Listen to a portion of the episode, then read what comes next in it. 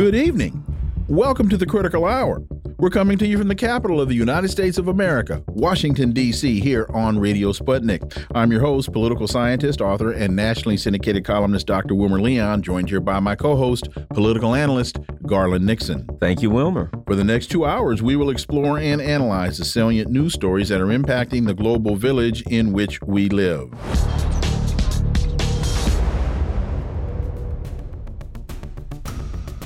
It was reported that fighting flares between Azerbaijan and Armenia in Nagorno Karabakh. Azerbaijan's defense ministry yesterday declared an anti terrorist campaign in the contested Nagorno Karabakh region under Armenian control, as Armenian media reported air raid sirens and mortar fire in the regional capital of Stepanakert. For insight into this and the latest developments, we turn to our first guest. He's a professor of political science at the University of Rhode Island, specializing in Ukraine and Russia, and the author of The Tragedy of Ukraine What Classical Greek Tragedy Can Teach Us About Conflict Resolution. Professor Nicolai Petro, as always, welcome back. Thank you. Thank you very much. So, the initial report from yesterday was as referenced in the open fighting flares between Azerbaijan and Armenia in Nagorno Karabakh.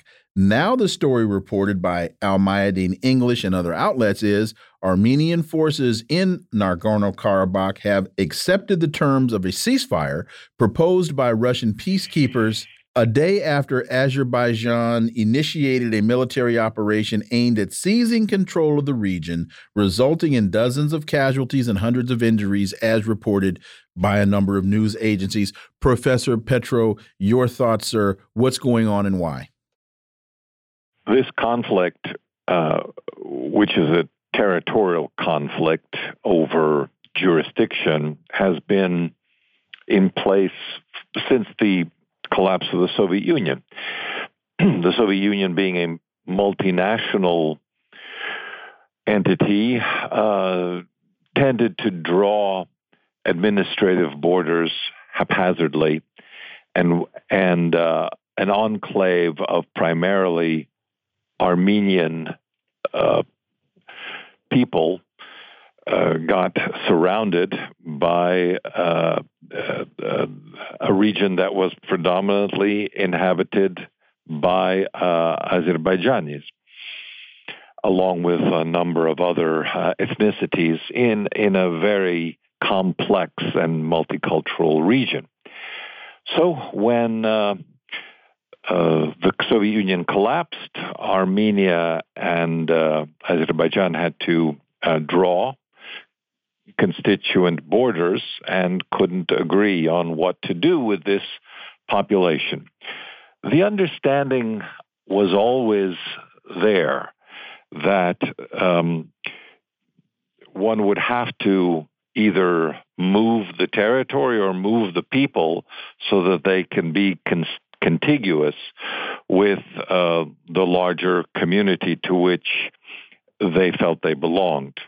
But but and, and which community which community was that? Uh, so the Azeris uh, okay. uh, would either uh, consolidate and exchange territory for some other part, uh, or uh, the some or give up some part of their territory so that there would be a direct land connection to the Nagorno Karabakh region. Um, Anyway, so the the problem is what to do with an island enclave like this. Mm-hmm. By the way, we should be thinking of this in terms of a much bigger potential security issue in Europe, Kaliningrad, which has been torn off from the Russian mainland uh, and is currently uh, not connected except by air or by by sea. But returning to the Nagorno Karabakh problem, there was um, a military uh, assault following on uh, previous fighting uh, over the past three decades. And uh, this time, uh, Azerbaijan um, took basically had a decisive victory. And as part of the negotiated settlement, basically isolated the region from uh, support from Armenia. So at that point, since 2020, it's been pretty obvious that the writing's on the wall.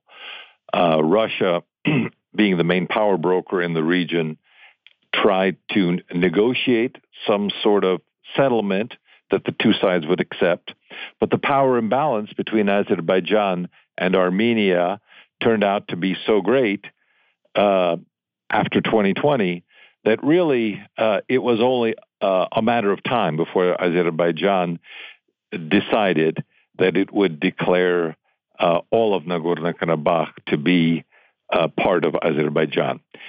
And as Putin mentioned in the last day or so, one of uh, one of the things that I think encouraged this particular outcome is that since 2020, uh, Azerbaijan, uh, Armenia has uh, informally, at least, recognized in its states in its political statements and negotiations that these territories do in fact belong to Armenia. Um, although politically they did not say so at home because it's a very sensitive subject for the Armenian people and would undermine uh, the current president's uh, political career, basically end it. Uh, so given this context, it's not at all, if you will, surprising that in order to make a uh, put an end to this uh, conflict, um, Nagorno-Karabakh, a primarily primarily Armenian territory, uh, looks like it will now be absorbed fully into Azerbaijan.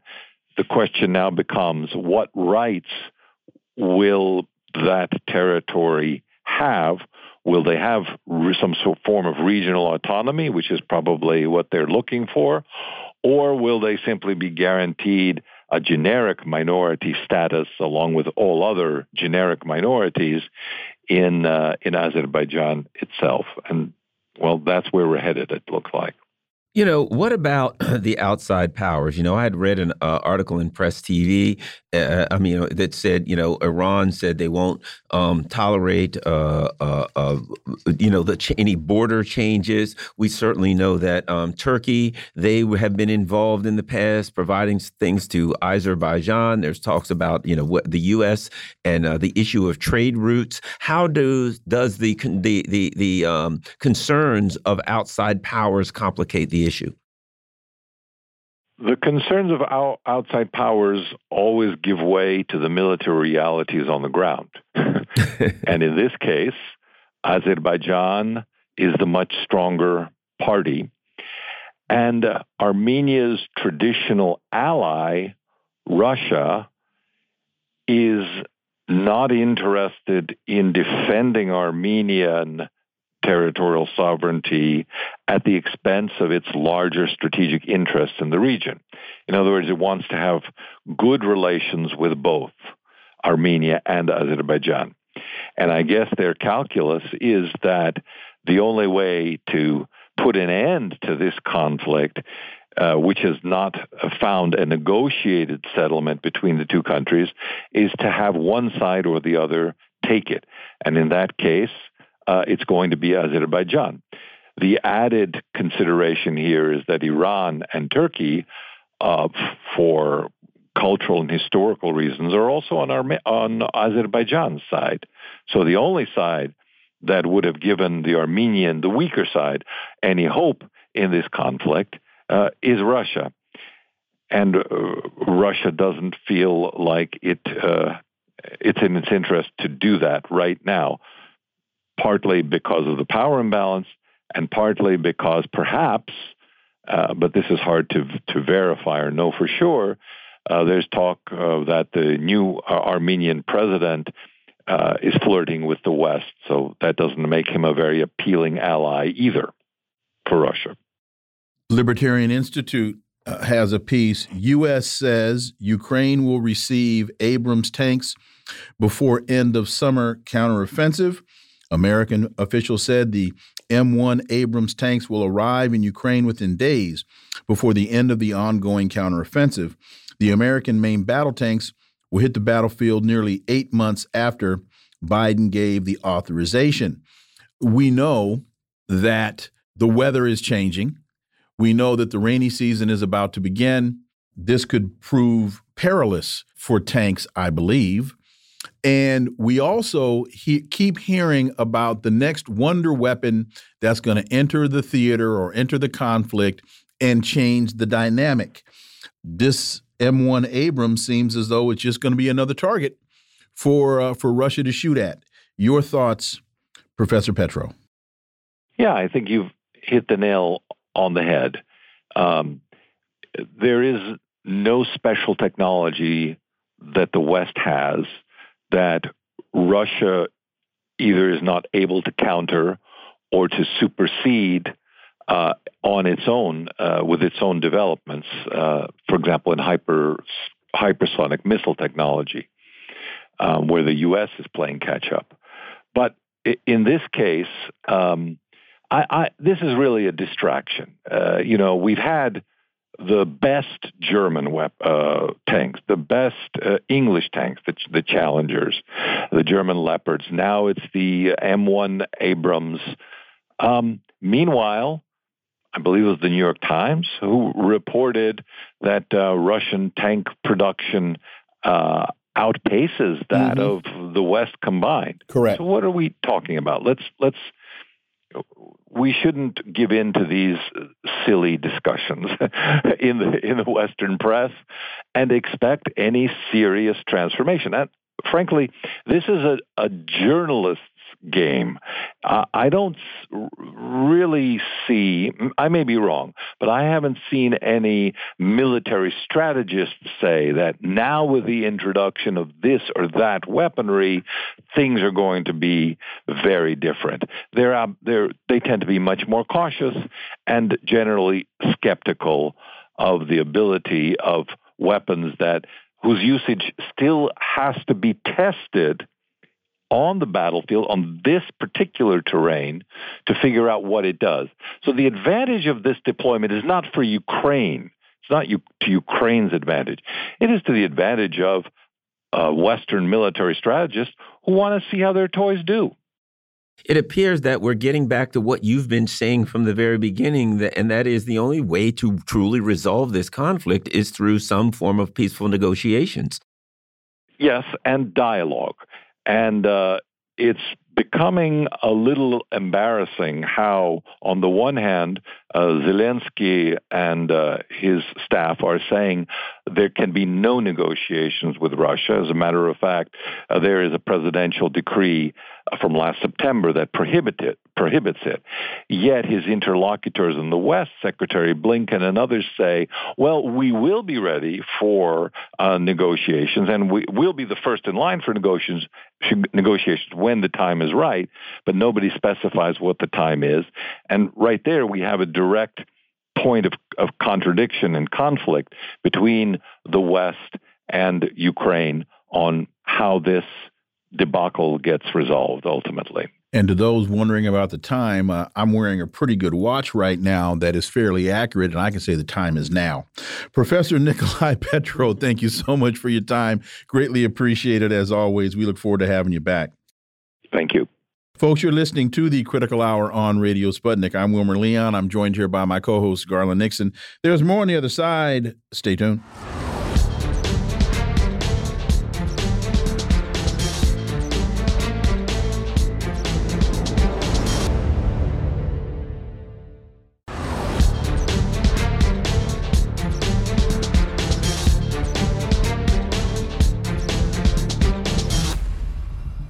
We are back, and you're listening to the Critical Hour on Radio Sputnik. I'm Wilmer Leon, joined here by my co host, Garland Nixon. Thank you, Wilmer. Patrick Lawrence has a piece in Consortium News The Question About Biden.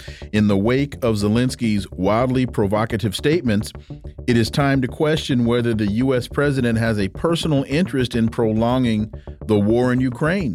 For insight into this, let's turn to our next guest. He leads the Speaking Truth to Power section of Tell the Word, a publishing arm of the Ecumenical Church of the Savior in inner city Washington. He served as a CIA analyst for 27 years. His duties included chairing, chairing the National Intelligence Estimates and preparing the President's Daily Brief. And he also co created Veteran Intelligence Professionals for Sanity, Ray McGovern. As always, Ray, welcome back. Thanks very much. Patrick continues Ukraine indeed has revealed NATO somewhat in the way of the old pun, no action, talk only. As Scott Ritter argued in a recent speech, it now appears the alliance is incapable of waging war in Ukraine or anywhere else in Europe. Your thoughts, Ray McGovern? Well, on that point, with respect to whether NATO is ready to fight a war with Russia, uh, I would use uh, LBJ's uh, expression big hat, no cattle. Okay. Uh, it's the same idea. Mm-hmm. Scott is quite right. And of course, he has others agreeing with him, others that I respect, like uh, Colonel Doug Macgregor. The big question here is uh, what's going to happen when this becomes no longer, when it becomes no longer possible to deny this? And what are Biden's personal stakes in this? And as Patrick uh, points out so well, uh, Biden and not only Hunter Biden, but Daddy Biden and Brother Biden, uh, the evidence is accumulating. And uh, it's pretty, pretty dangerous because uh, an impeachment inquiry is starting, I think, this week. And uh, so, what do the Ukrainians know about all this um, bribery and under the, you know, if Ukraine were the pristine, pure nation of the world where there was no no uh, under underhanded stuff, you know, no corruption. That would be one thing, but they're sort of the uh, the picture boy for corruption. So, what does Zelensky, what do these neo Nazis know about Biden uh, that uh, has Biden in more of a pickle than most of us even realize, given the way the offensive, the counteroffensive by Iranian forces, supported by uh, by U.S. troops and, and uh, materiel, that's going south. What else does Biden worry about? And even more important, how evident is this to the Russian leaders? I mean, they have to worry about this a lot, and they have to worry about not only Biden, but people like Sullivan, people like Blinken, who are both demonstrably guilty of fooling around with elections. Blinken has was revealed that having having having collected 51 former intelligence leaders to say that Biden's laptop was not genuine, that it had I had to smell it, all the earmarks of a Russian disinformation operation. Well, that's that's hooey now, but it got Joe Biden. It helped get Joe Biden elected. So the the corruption uh, in Washington is as bad as I've ever seen it. That goes back six decades. All right. And the question is, how will this uh, impede Biden from doing anything sensible with respect to uh, with respect to Ukraine uh, before the election or even after the election? And how the Russians look at this, because they have to make some real big decisions now as to whether they exploit the defeat of this counteroffensive and go all the way to the river there, the river Dnieper, and say, all right, now, now will you negotiate? Or whether they'll attrit, attrit, attrit, and attrit still more and just keep killing Ukrainians until there are no more and just waltz to the Dnieper. Um, it's really that serious. And indeed, they're what, 14 months before the election. You know, you bring up something important because, you know, certainly in this article we discuss the potential for Joe Biden having um, corrupt uh, uh, activities in Ukraine that could be used, leveraged against him um, to, to, to force him to continue with this conflict. But you mentioned something else, and that is we also know that, well, there have been many, many reports, and I, in fact, interviewed someone who worked in the Ukrainian embassy at, at one point who said that during the Russiagate stuff during the um, the 2016 election that the personnel in the Ukrainian embassy, that um, the FBI, the NABU, the National Anti Corruption Bureau in Ukraine, that all of these U.S. entities that was run by the Obama administration was used uh, to go after Trump. Were used to, as a matter of fact, there was an infamous black ledger that came out of Ukraine, and it was allegations that Paul Manafort was taking money from the Russians or whatever. That was introduced as evidence, and as soon as Trump um, won, the Ukrainians came back and said, "Oops, it was fake. Sorry about that."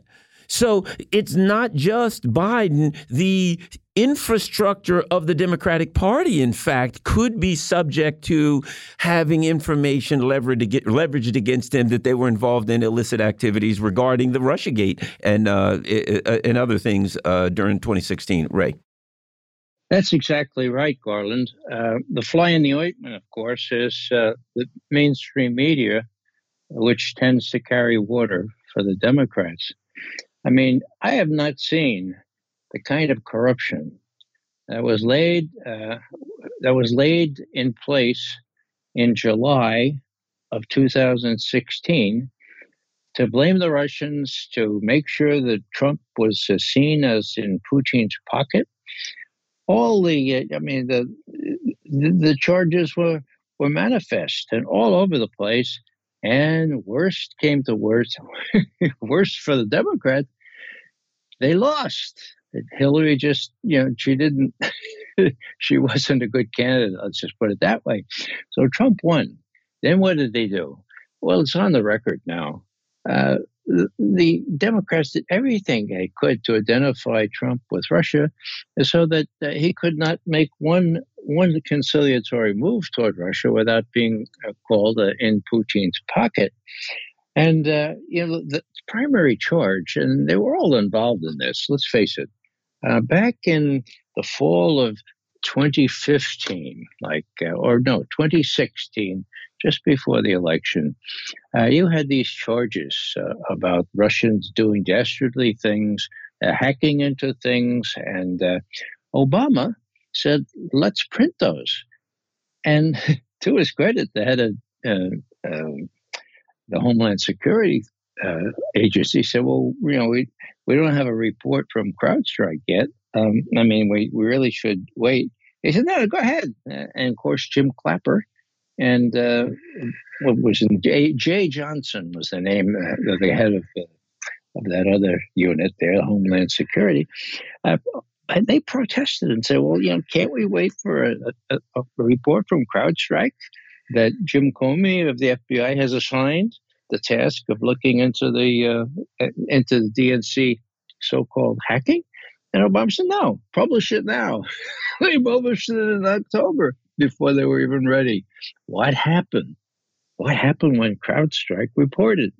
Well, people don't know this, generally speaking, but on the 5th of December 2017, it was revealed by the head of CrowdStrike, Shawn Henry, that there was no technical evidence of any kind that CrowdStrike could find that the Russians or anyone else hacked into those Democratic National Committee emails that were so prejudiced to Hillary Clinton. Not one scintilla of, tech, of technical evidence. Now, that was sworn testimony. That was taken before the House Intelligence Committee, and it was suppressed. As soon as the Democrats came in, Adam Schiff kept that suppressed for two and a half years. Count them, two and a half years, okay? So what happens? Somebody says, "Hey, President Trump, uh, you have the you have the power to get that stuff released. Why don't you have do it? They do it, and it's released. And the way they released it was hidden in about 54 other non consequential documents. They gave it to the press on the 7th of May, 2020. So we're talking two and a half years after the testimony. So 7 May 2020. Today is September 20th, 2023. Still suppressed. By whom? New York Times, Washington Post, Wall Street Journal. Americans don't know that there was nothing, nothing at all to this Russian hacking. The Russian hacking being a pretext for which Obama kicked out 25 plus Russian diplomats, closed some of their installations here in, in this country. So it was all a big fraud. And the fact that Donald Trump said it was a fraud from the get go, well, anybody who says, well, Donald Trump was right about this, wrong about everything else, he's right about this, is put in Putin's pocket. Still, even though this stuff is available for Americans to see, except it's not available for Americans to see, as I told you, this is still suppressed. So we're we're in a real pickle here because the Democrats will be able to do whatever the whatever the hell they want as long as they can can uh, depend on the mainstream media to cover up even these ties with uh, with Ukraine, which could be you know could be reasons for impeachment if they are proven in a in a rather speedy process. Patrick Lawrence continues: Is the Biden administration? He says uh, his question of the week is is the Biden regime's whatever it takes, as long as it takes commitment to the war, tied to his escalating vulnerability to charges of corruption dating to his years as Barack Obama's VP when he carried the Ukraine portfolio? Does Biden have a personal interest in prolonging this war? To put this question another way, there's another, I think, very practical explanation to this. It's called the 2024 election. And if Biden were to allow this war to end now, the big question would be well, why did we do this? Why did we spend all this money? What did we get? Oh, Joe, this sounds a lot like you're pulling us out of Afghanistan. We got nothing. That's what I think would be the Republicans' narrative, and Joe Biden wouldn't have an answer for that. So I, I think there's a very self interested practical answer to this. And it would not only impact Joe Biden, it would also impact the Democrats that are up for reelection that have voted to spend and waste this money in Ukraine. We got about a minute and a half. Ray McGovern. Well, you're, you're right, Wilmer. Uh, this, as long as it takes stuff, uh, was initially seen by me at least as simple rhetoric uh, misguided rhetoric because it puts you in a really difficult place if it takes very long. But there is the election. And so Biden finds himself between a rock and a hard place. Mm-hmm. Uh, and if I were Mr. Putin looking on here, I would have my military at, uh, at, at higher alert because it's not only Biden, it's Blinken and Sullivan that are calling the shots here. Austin does what he's told by these two other civilians, okay? And uh, there's no there's no guarantee at all that they won't do something very foolish, okay? And mm-hmm. I don't mm-hmm. mean just uh, attacking, uh, sending new arms, but I mean something like threatening tactical nukes or something like that, because not only do they have a political interest in this now, they have a personal interest. They want to stay out of jail if Trump wins. Ray McGovern, as always, thank you so much for your time. Greatly, greatly appreciate that analysis, and we look forward to having you back. Most welcome. Folks, you're listening to the Critical Hour on Radio Sputnik. I'm Wilmer Leon. I'm joined here by my co host, Garland Nixon. There's more on the other side. Stay tuned.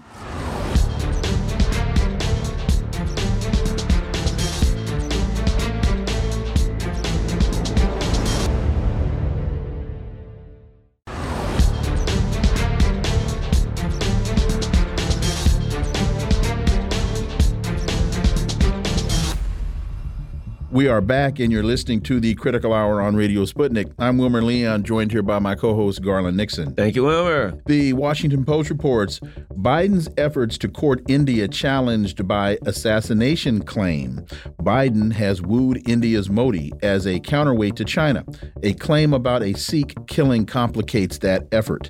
For insight into this, let's turn to our next guest. He's a peace activist, writer, teacher, and political analyst, KJ Noh. As always, KJ, welcome back. Thank you. Pleasure to be with you.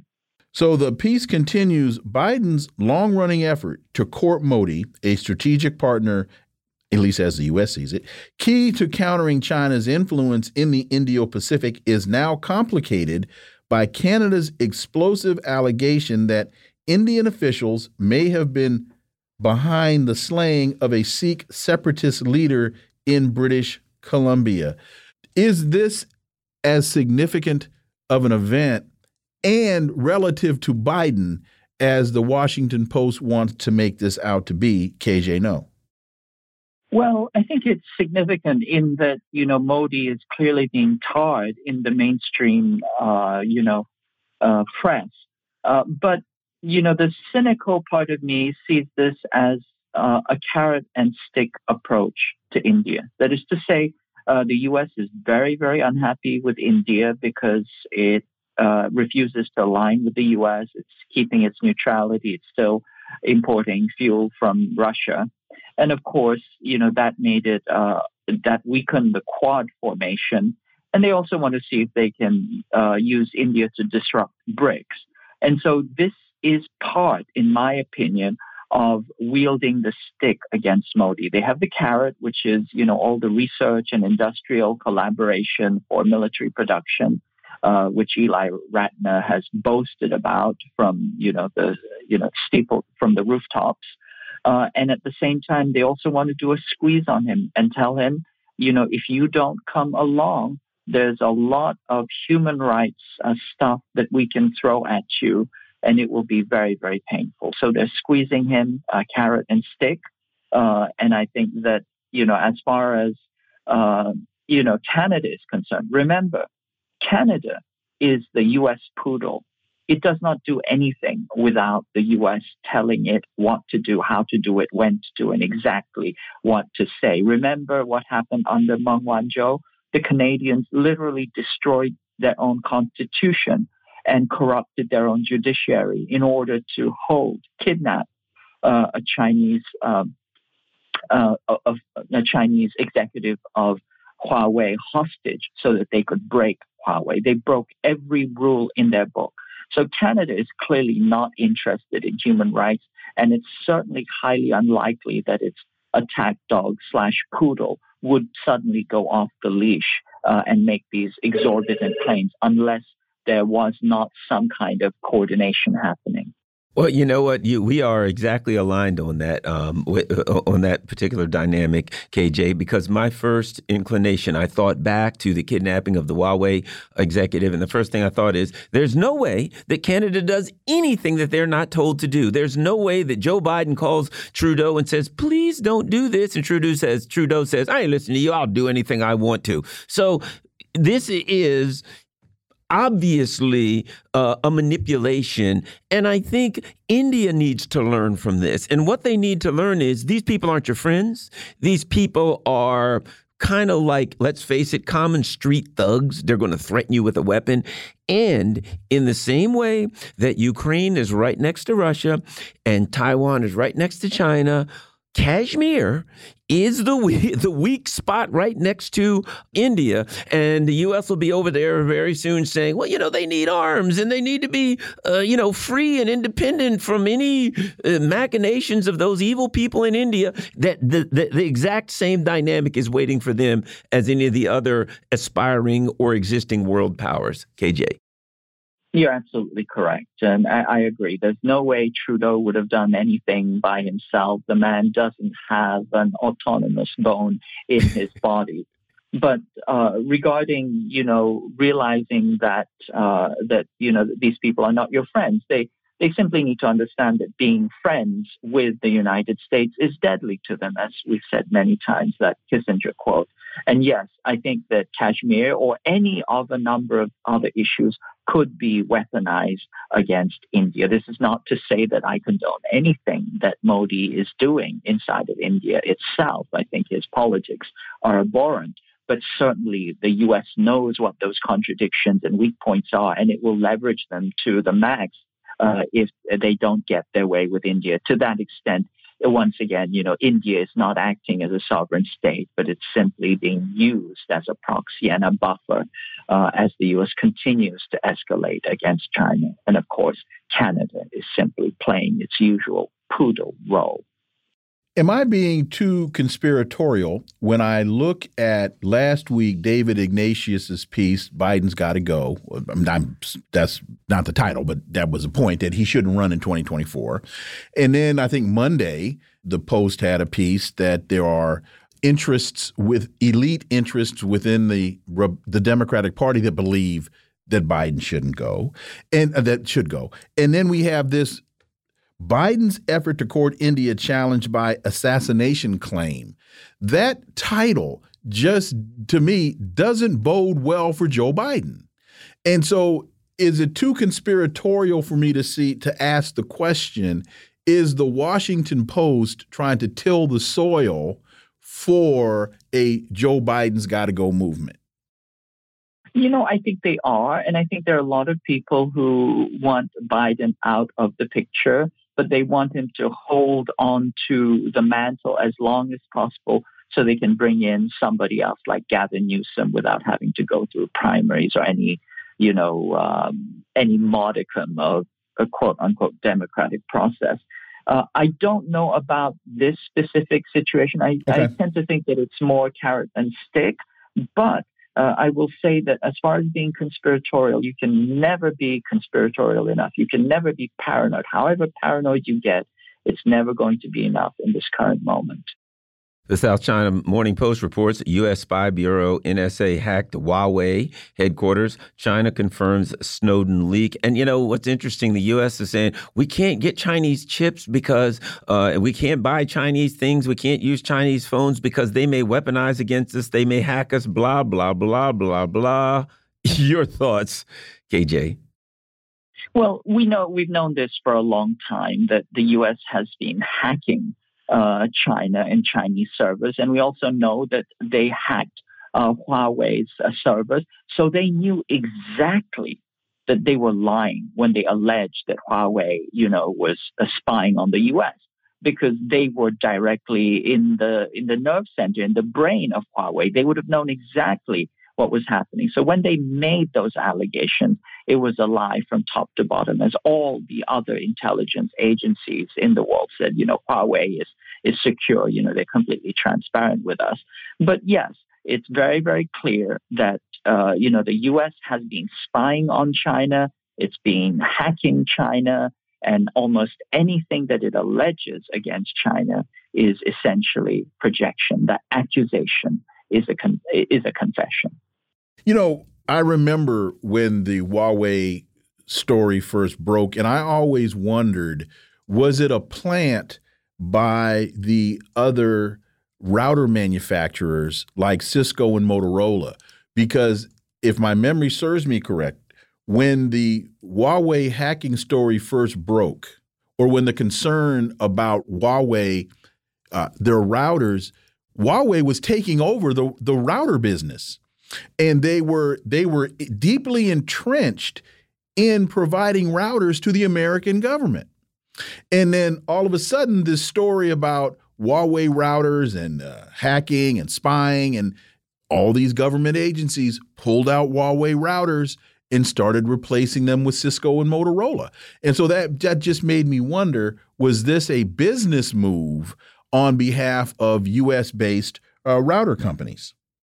You know, it, you can't distinguish the two. I mean, the U.S. government is controlled by corporations with very, very clear invested interests. We saw that very clearly, you know, with the CHIPS Act. You know, we, we know that Micron lobbied for this because they wanted to knock out Chinese, uh, you know, chip manufacturers.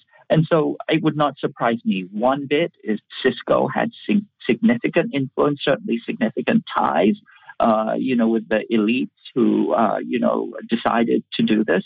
But, you know, once again, let's remember that this was a terrible thing that happened. Huawei was eating Cisco's lunch because mm-hmm. it had a mm-hmm. better product yep. and it was installing them cheaply all over the place where people actually did not have internet access.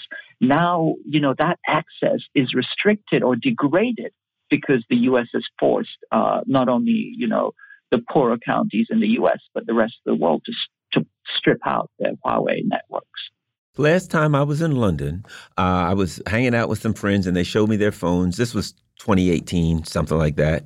And they had, or 2019, whatever, they had, uh, they all had Huawei, Huawei phones. And I said, yeah. why? You know, why do you always have Huawei phones? They said, well, they've got just, they're just as good as, you know, the others. And cheaper. And considerably less expensive. Mm -hmm. And I mm-hmm. thought, Man, I wish we had Huawei phones. And you know what? That's why we don't have Huawei phones here. I had the same experience when I was in Iran.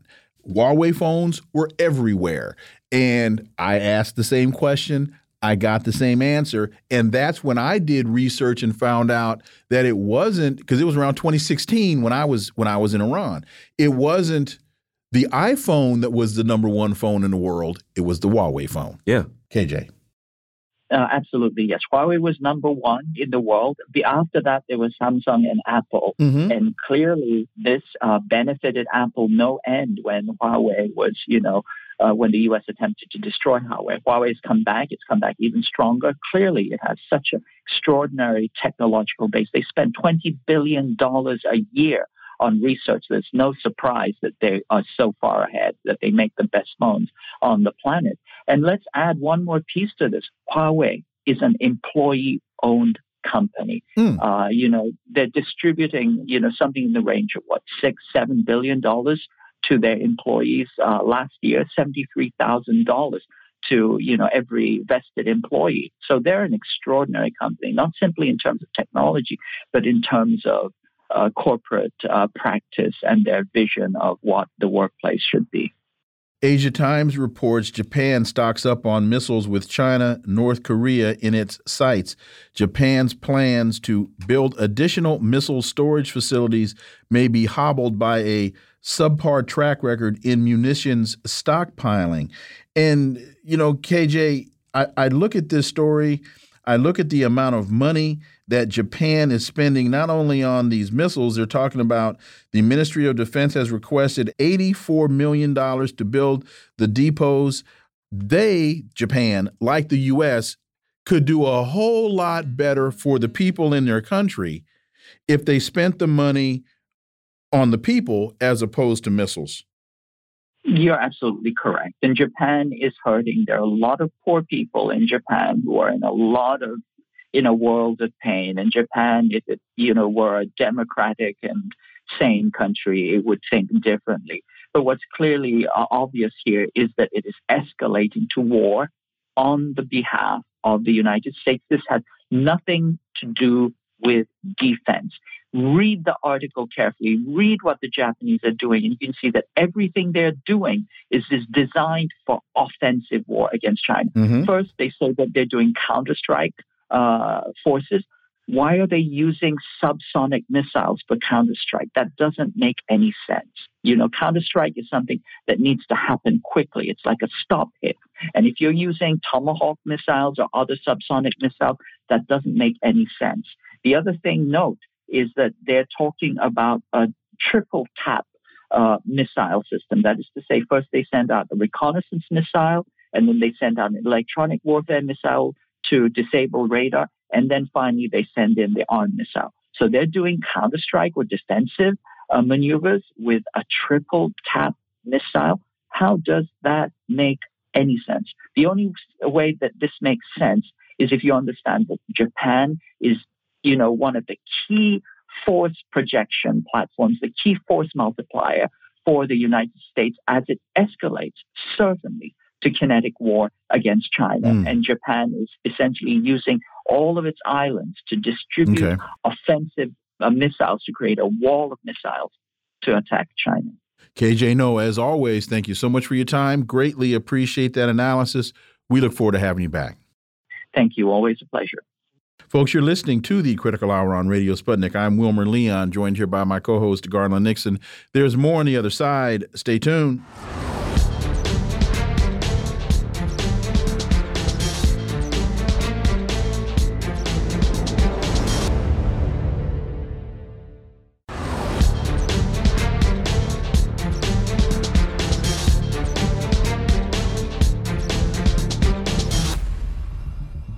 We are back, and you're listening to the Critical Hour on Radio Sputnik. I'm Wilmer Leon, joined here by my co host, Garland Nixon. Thank you, Wilmer. The Greanville Post has a piece entitled Ukrainization of Taiwan by U.S. and the Obstacles to Peaceful Reunification.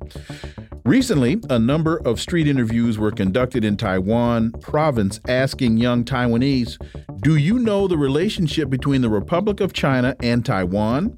The reply shocked the interviewer as the majority of the youth in Taiwan didn't even know their political entity's official name is the Republic of China, and that the ROC's constitution regards the mainland of China and Taiwan being parts of the Republic of China sovereign territory.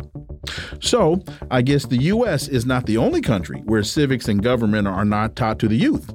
And for insight into this, let's turn to our next guest. He's a writer, journalist, and host of the YouTube program, The New Atlas, Brian Berletic. As always, Brian, welcome back. Thank you so much for having me back. So, the Greanville Post continues. This demonstrates to the author of the piece, uh, Wei Ling Chow, the or Chaw, the success of the ongoing brainwashing tactics used by the current ruling party in Taiwan province by modifying historical facts in school textbooks in the past two decades. One needs just to search under DP, um, DDP modified Taiwan history textbook to learn about the issues. And again, Brian, I, I, I was a bit tongue in cheek when I said that the U.S. is not the only country doing this. But what this demonstrates is there's an attack on history. Your thoughts about all of this, Brian Berletic? Well, it's interesting that you you mentioned the United States. This brainwashing of the youth in Taiwan is a product, a direct result of U.S. interference on the island province of Taiwan. They've been doing this for many, many years. The Democratic Progressive Party, uh, the, the current ruling party, uh, is a product of U.S. interference. It is a creation of Washington's geopolitical aspirations for Taiwan. And when you look at the decisions that the DPP is making, or uh, what these youths who are being brainwashed by this revisionism of history and the, the policies that they are demanding from their government, it is all self destructive. Uh, ju- just as the title suggests, exactly like what we saw in Ukraine in the years leading up to the current conflict. Well, you know, Brian, I uh, a while back I went to a um, a peace event with uh, a, a, number of uh, Koreans and uh, that are here in America. It was up in Philadelphia, and one of the things that I found out in, in listening to their presentations was that um, they talked about when they were growing up in South Korea and how the propaganda that they got all the time. Oh, the the North are uh, they're a bunch of communists, and communists they're evil, they're evil people, etc. And I and I didn't realize that the U.S. Uh, empire was you know propagandizing the people of South Korea from childhood all the way up to put them in a position that they could be used, to be quite frank, that they could be used for uh, cannon fodder at the whims of these neocons. Brian. Absolutely. That is exactly how the process works. Older people are not as susceptible to this propaganda. The US deliberately targets the youth. And they don't just do this in South Korea or Taiwan or in Ukraine. They do this all around the world. That is the primary function of the, the Washington based National Endowment for Democracy. They fund programs and organizations all around the globe, including here in Thailand and Southeast Asia, where I'm based, uh, to manipulate and influence, especially young people, through the media and by infiltrating educational institutions. They're in the universities, increasingly, they're in the elementary schools because young people are rebellious by nature. They take full advantage of that, shaping them in a way to, uh, to pursue and demand these self destructive policies that serve Washington's interests at the cost of these targeted nations.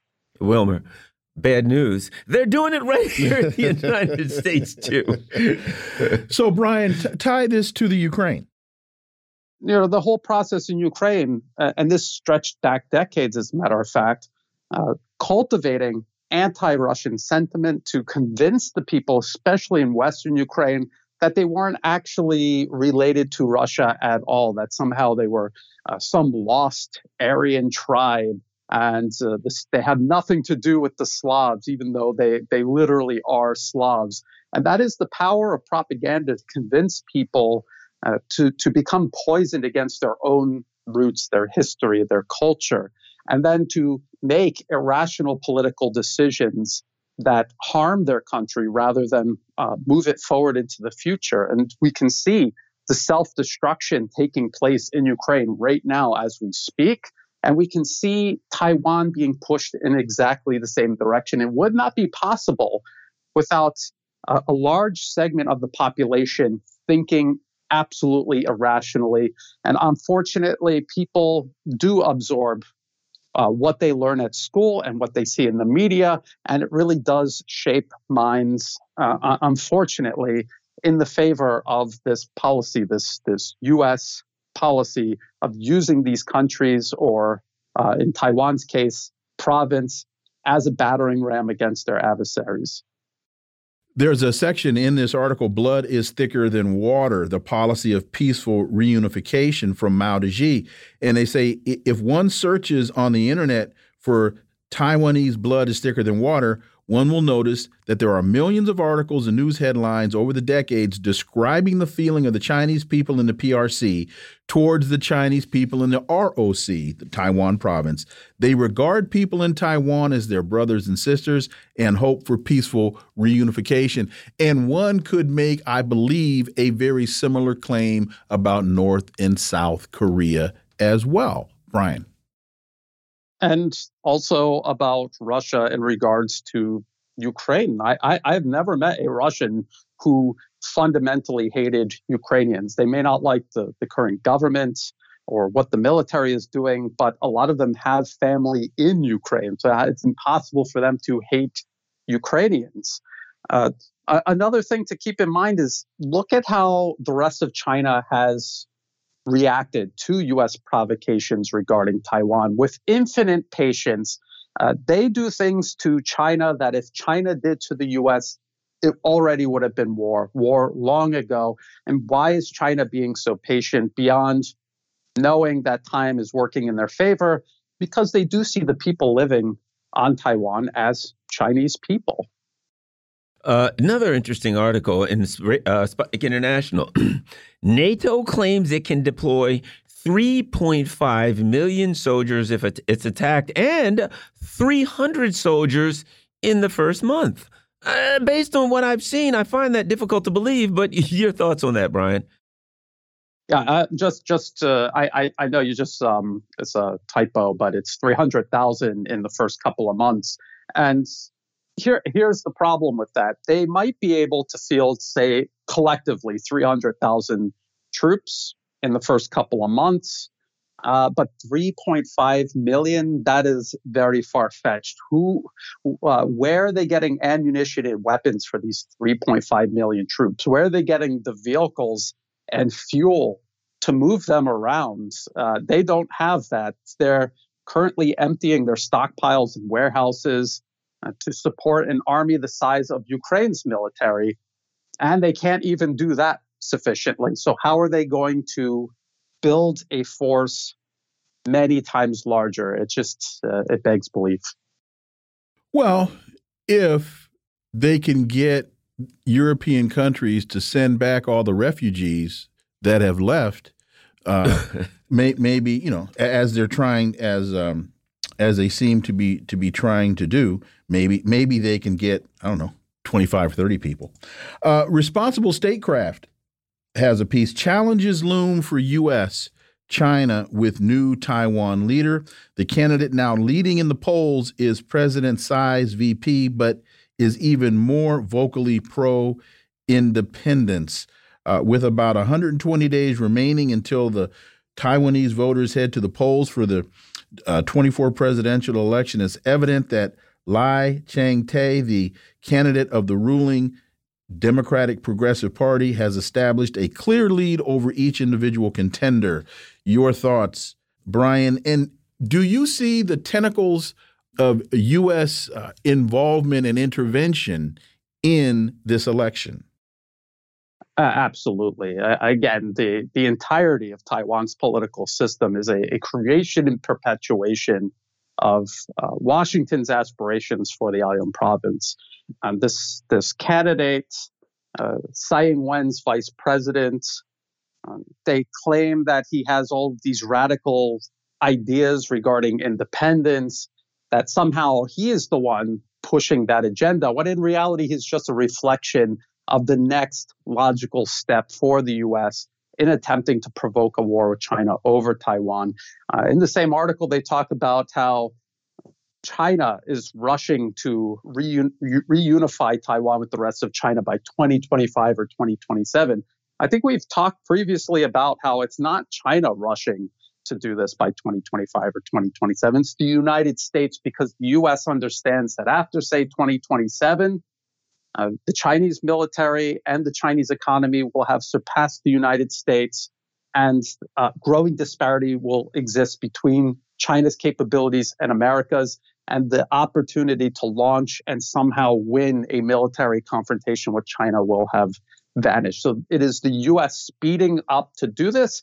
That is why they have a candidate like this who is pushing uh, extreme ideas about independence, almost guaranteed to provoke a reaction from Beijing. It's up to Beijing to uh, maintain this patience that they've demonstrated so far and allow the clock to time out in their favor rather than uh, prov- be provoked into a conflict and favoring Washington. With the imminent progress in the Chinese economy that you've just just referenced, and kind of the inherent we are one country sentiment that is very prevalent in Taiwan. In an, in another couple years, does China even have to think about launching a military intervention? It seems as though just the organic development of reality would bring that would bring that to the forefront. Exactly, and the United States is very well aware of this. That's why they they pretend it's China rushing to con to conflict, but it's actually the U.S. rushing to to do this before that happens. As a matter of fact, China is beginning a program in Fujian province, which is right across the strait from Taiwan. And they're offering all sorts of uh, economic and property rights uh, benefits for people from Taiwan. They're encouraging them to come over across the strait, enjoy uh, the, the opportunities that exist across the rest of China. And as that is being done by Beijing, Washington encourages Taipei to keep pushing for independence, which continuously isolates it from the rest of China and hurts the economy. So it's a push and pull. And the harder Washington pushes, the more people that are going to be pulled into the rest of China. So it, it is a, a self fueling process that favors China. Well, Brian Berletic, as always, thank you so much for your time. Greatly, greatly appreciate that analysis. We look forward to having you back. Thank you. Folks, you're listening to the Critical Hour on Radio Sputnik. I'm Wilmer Leon. I'm joined here by my co host, Garland Nixon. There's another hour on the other side. Stay tuned.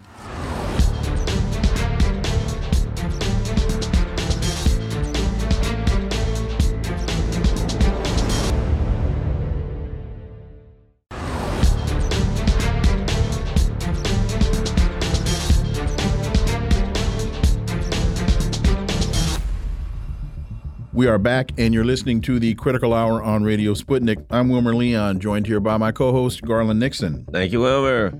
It's reported now Biden and Netanyahu to meet in New York, but no long sought White House visit. Almost 11 months after the election that brought Netanyahu back for a record sixth term as prime minister, President Biden has held back the customary honor of an invitation to the White House or any other one on one get together. Aw, gee. Well, What's all this really about? For insight, let's turn to our next guest. He's a journalist, Palestine activist, and author. His latest book is entitled Settler Colonialism in Palestine and Kashmir.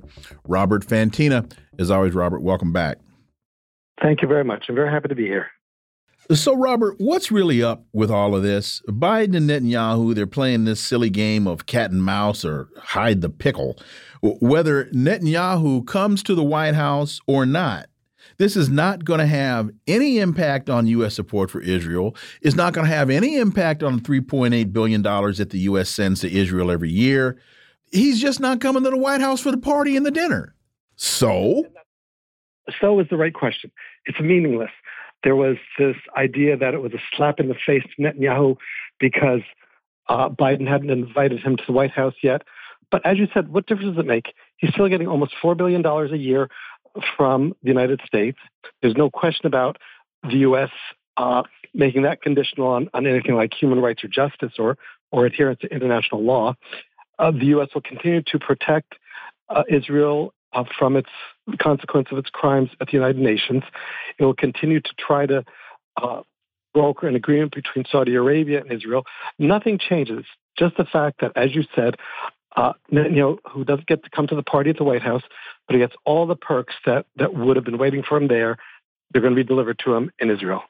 Well, and and you know, it to me again, it's what we get in U.S. propaganda, and that is, it's always about the people. You know, it's about Trump. It's about Trump or Biden. It's about um, uh, Netanyahu or Vladimir Putin. There's always a name. It's about the individual in the per person, and I think that is a a, a, a, a, intentional misdirection that flows all throughout the Western media and the Western propaganda. If we're talking about the people, we're not talking about the policies that we may may, may oppose.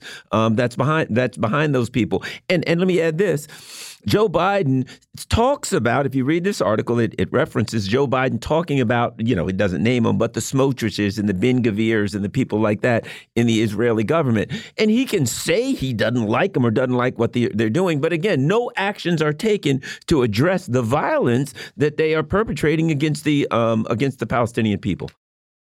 That's completely true. That the, the United, United States government will say, well, uh, Netanyahu is is so right wing and and we oppose that. But here's your check for 3.8 million dollars. And uh, whoever, whoever they they demonize or they talk about a leader, they make it a personality, not looking at the way that Israel violates international law on a daily basis, uh, tramples the basic human rights of the Palestinians on a daily basis, and has for decades, and is is proudly proclaiming that they're going to continue to do it only worse going forward. But none of that is is discussed at all. It's just the ironclad agreement, and so there are some disagreements disagreements between the U.S. government and Netanyahu. But Biden and Netanyahu will will meet at the sidelines uh, in a few days, not at the White House, somewhere else, uh, and just iron those out. But those aren't the important things. The important things are that are is Israeli security. Doesn't matter that's an apartheid nation. That several human rights organizations have documented in painful detail how that's true.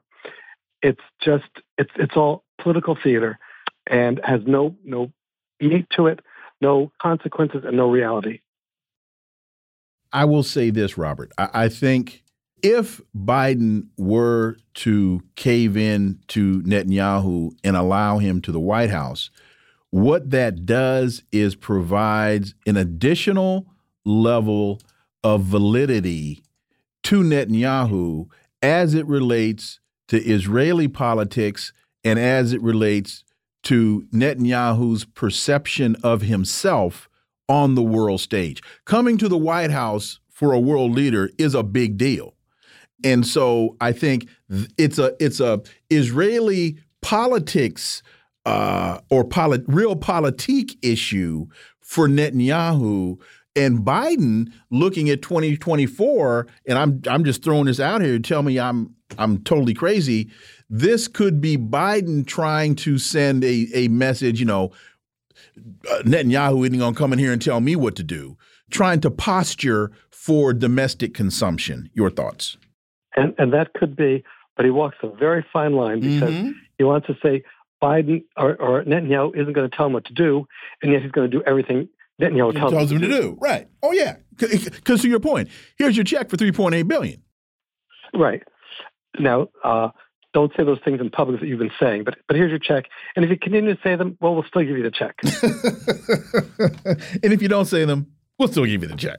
right. Either way. Either way. There's no difference.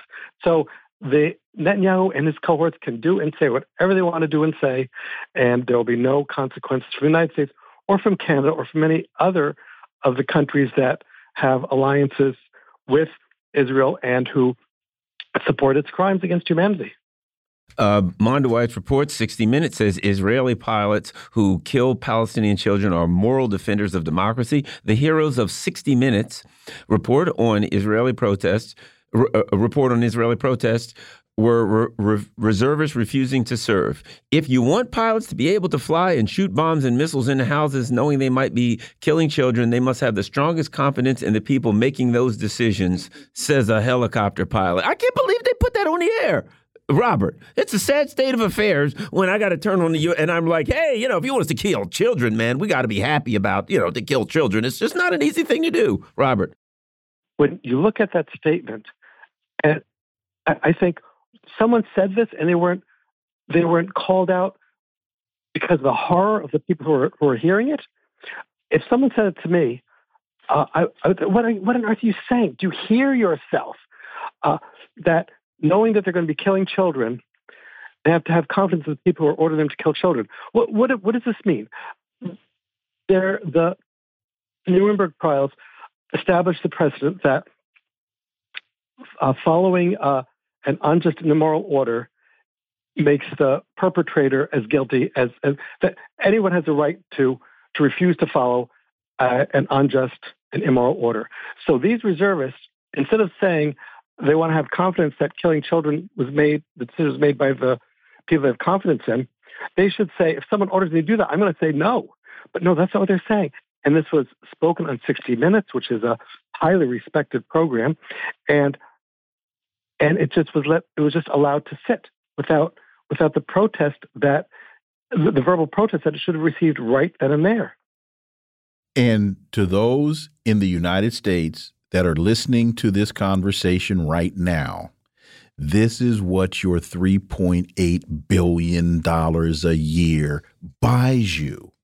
It buys you a pilot saying, if you want pilots to be able to fly and shoot bombs and missiles into houses knowing they might be killing children, they must have the strongest confidence in the people making those decisions. This is what your dollars get you when your U.S. tax dollars at work. This, mm -hmm. These are your U.S.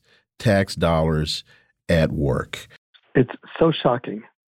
But not surprising. Not surprising. But the fact that this was allowed to be said without protest, without immediately being called out on it, is just beyond the pale. And what does that tell you about Lesley Stahl? Because she's the one that conducted the interview. Mm -hmm. And and where was she in this? Uh, U.S. discussing mutual defense treaty with Saudi Arabia, similar to Japan and South Korea. U.S. and Saudi officials are discussing the terms of a potential mutual defense treaty that would be similar to the pacts the U.S. has with South Korea and Japan. Your thoughts, Robert Fantina? Well, the United States government under Biden is going to do anything at all, sell its soul, which has already been sold, but anyway, theoretically, sell its soul to uh, broker this agreement between Israel and Saudi Arabia. Do whatever it takes, uh, except, of course, anything benefiting the Palestinians. But no matter how much it costs the United States in terms of dollars and weaponry and uh, international prestige or anything else, it wants to, to broker this. So that's why it's continuing. Now, the United States has something like 900 military bases around the world, foreign bases.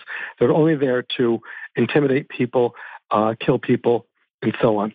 If Saudi Arabia, uh, if this agreement comes to pass and this defense treaty is is part of it, then we can expect uh, more U.S. troops and and bases in Saudi Arabia, which is not going to lead to it's not going to contribute to a peaceful Middle East under any circumstances.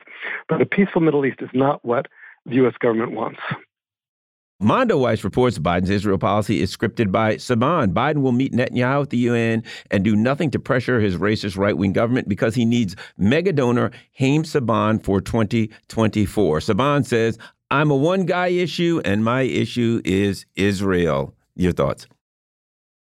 Again, we see a lack of integrity. The Biden is willing to continue the murderous genocidal policies against Israel that U.S. support that Israel carries out because he wants to be reelected. So he will do whatever is necessary, and that means taking his marching orders from uh, uh, Haim Saban, who is uh, who will donate millions of dollars to his campaign to get him elected. So where is statesmanship? Where is integrity? Where is international law? Where are human rights? They have nothing to do with this. All that's important for U.S. politicians, for most of them, is reelection. To get elected with the goal of being reelected, and that's what what uh, what Biden is doing. He doesn't care about the people of Palestine. Doesn't care about anybody. He wants to be reelected, and if he has to do that over the bodies of dead Palestinian children, he's happy to do it. And you know, this again, the curse of neoliberalism. If you recall, Sheldon Adelson, he controlled the Republican Party. He controlled who was running and everything. He had uh, Donald Trump put uh, John Bolton in power. All of these things he did. Why? Because of all of the money that he was contributing to Republican candidates, and the RNC gave him power over the party to say support the the, the far right wingers in Israel. Your thoughts? One minute this is this is a serious problem in in U.S. political activity that donors have so much control. The more money you you donate, the more control you have about who gets elected, who gets nominated, and who gets elected. And then these uh, organizations like AIPAC and other lobby groups write legislation that the so-called representatives they have bought and, and whose office they've bought, they then introduce that legislation that the lobby has written. So this idea of unlimited money being able to be donated to uh, politicians is a major, major flaw, among many others, in the U.S. political process. Robert Fantina, as always, thank you so much for your time. Greatly, greatly appreciate that analysis, and we look forward to having you back. Thank you very much. Folks, you're listening to the Critical Hour on Radio Sputnik. I'm Wilmer Leon. I'm joined here by my co host, Garland Nixon. There's more on the other side. Stay tuned.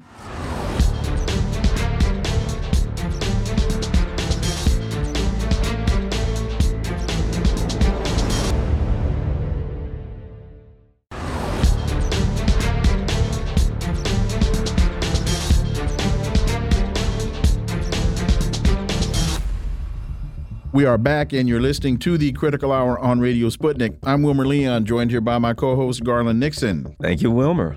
Tara Reade writes Russell Brand rape allegations are the return of the Me Too political zombie. If crimes were committed, they must be investigated and brought before court, but not the biased court of establishment media. She writes this in RT. For insight into this, let's turn to our next guest. He's a political activist, independent journalist, and podcaster, Nico House. As always, Nico, man, welcome back. Hey, guys, glad to be back. It's been some time. Yes, it has. Tara continues The establishment neoliberals were having none of Russell Brand using his celebrity status and his internet based show to lift up independent minded people. They turned their laser guided, coordinated attacks on Brand, and now he's facing cancellation, Me Too style.